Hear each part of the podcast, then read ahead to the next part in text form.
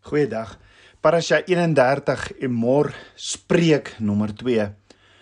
In Parasha of gedeelte Emor wat beteken spreek, kry ons die hoofinstruksie vir die feeste van Abba Vader. En voor ons daarna kyk, kom ons kyk eers na die eerste voorskrifte wat Abba Vader gee vir die priesters in hierdie week se gedeelte. Die eerste ding wat ons leer in die week se gedeelte is waar Abba Vader vir Moses sê in Levitikus 21 vers 1 tot 4 spreek met die priesters die seuns van Aaron en sê vir hulle aan 'n dooie moet 'n priester hom nie verontreinig onder sy volksgenote nie behalwe aan sy bloedverwant sy na bestaande aan sy moeder en sy vader en sy seun en sy dogter en sy broer en aan sy suster wat 'n jong meisie is sy nabestaande wat nie aan 'n man toebehoort het nie. Aan haar mag hy hom verontreinig Hy mag hom as getroude man nie verontreinig onder sy volksgenote om hom te ontheilig nie. Met ander woorde, die seuns van Aaron as priesters mag hulle nie met die dooies verontreinig nie. En dit beteken dat hulle nie die tradisionele rouproses moes deurgaan wat die ander deurgegaan het as iemand tot sterwe gekom het nie. As hulle dit sou doen, sou hulle hulself outomaties gediskwalifiseer het om voor Abba Vader te dien totdat hulle gereinig is. Die enigste uitsondering hierop sou wees as dit hulle eie naasbestaandes was. Met ander woorde, die priester word toegelaat dat hulle ritueel onrein word vir iemand soos hulle ouers, broers of susters. Behalwe dit sou die priester om geen ander rede die dode nader nie. Die rede vir hierdie instruksie is omdat Abba Vader en alles omdat Abba Vader en alles wat as heilig of afgesonderd beskou word, lewe verteenwoordig. Dood kan nie geassosieer ge word met die lewe nie. Alhoewel die bloed van die diere beskou word as die dood, was dit in werklikheid die lewe omdat die diere se lewens neergelê was sodat die mens kon lewe. Daar kan geen groter vertoning van die lewe wees as die vervanging van die een lewe deur die ander nie. En dit is hoekom Yeshua in Johannes 15 vers 13 sê: "Groter liefde het niemand as dit nie dat iemand sy lewe vir sy vriende gee." Jy sien hierdie soort dood reinig eintlik die tempel. So as 'n priester aan menslike dood blootgestel was, het dit sy tempel verontreinig. Aangesien die atmosfeer van die dood As dit na die heilige gebied gebring was, het dit die hele woning van die Almagtige ook besoedel.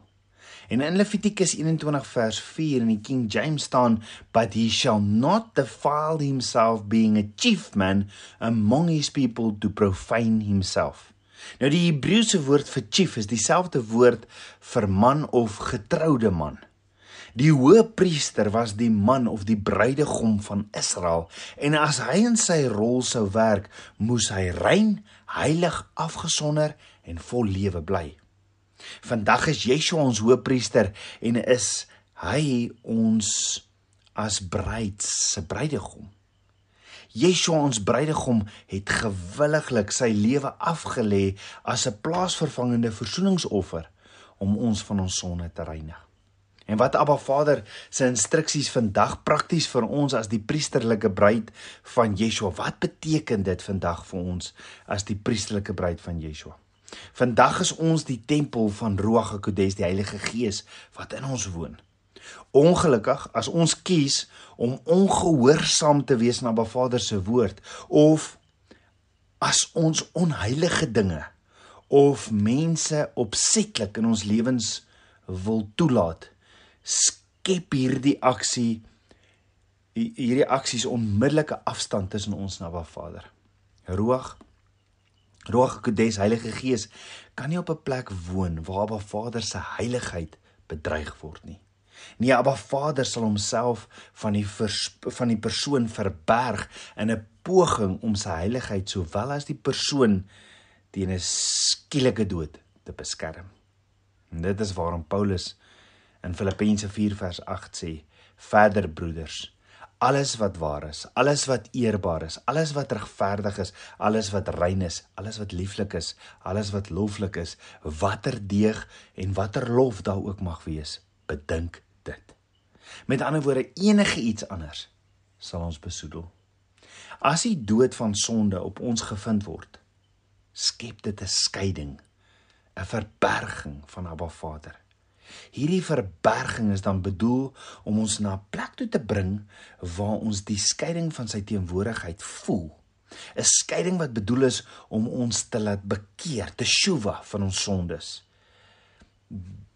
Dan die bloed van Yeshua te pleit en om dan gewas te word deur die waterbad van die woord.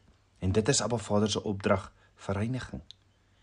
Jy erken jou sondes, dan word jy kom tot bekering. Jy bring 'n offer na die altaar, die bloed van die lam, die bloed van Yeshua, en dan word jy gewas om skoon te word. Met ander woorde, jy word gewas deur die waterbad van sy woord. So, wat is die bottom line? Sonde bring die dood, want Romeine 6 vers 23 sê, want die loon van die sonde is die dood.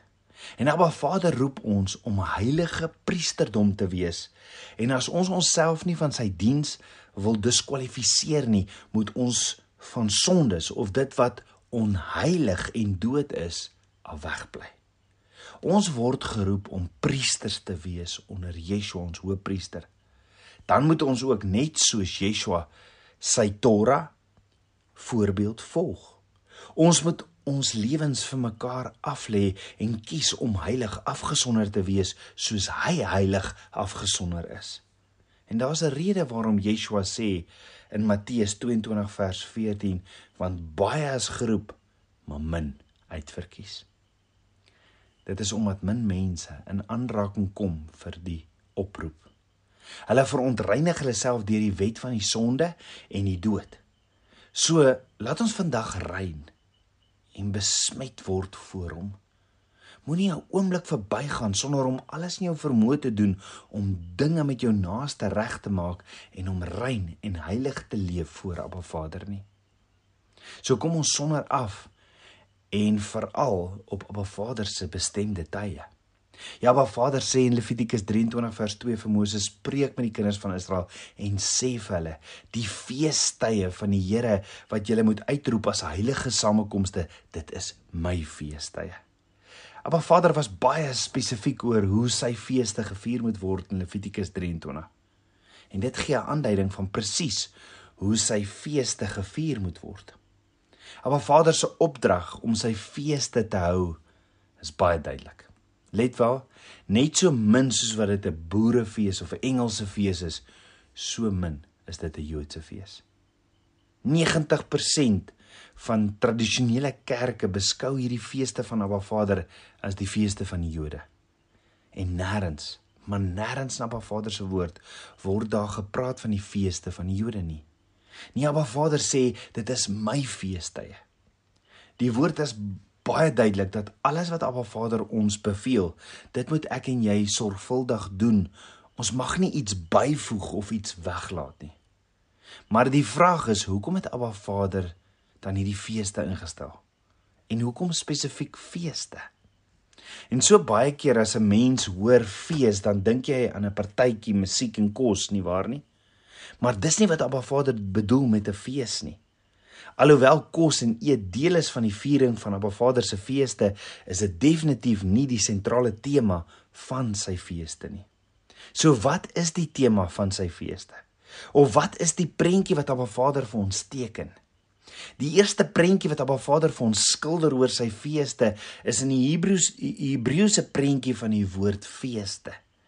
Die Hebreëse woord vir feeste is die woordjie moed wat beteken 'n afgesproke tyd, 'n vasgestelde of vasgestelde tye vir seisoene, vasgestelde tye vir vergaderings en vasgestelde tye vir tekens en syne. Met ander woorde, Abba Vader het vir ons 'n kalender uitnodiging gestuur op sy bepaalde tye vir sy bepaalde afsprake met ons. Dit nogal sewe bepaalde tye of afsprake waar daar sekere dinge gaan gebeur, waar daar sekere te tekens gaan wees en dit is wat die Hebreëse prentjie vir ons teken van feeste Moed. Daar word ook in Levitikus 23 gepraat van heilige samekomste.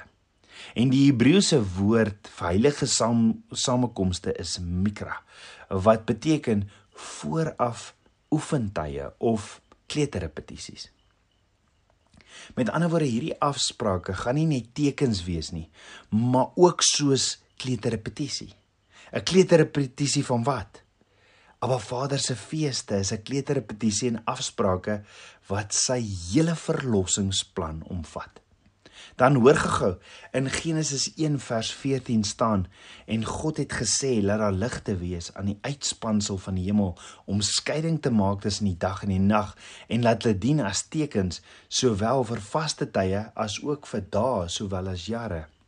Nou die Hebreëse woord vir laat hulle dien as tekens sowel vir vaste tye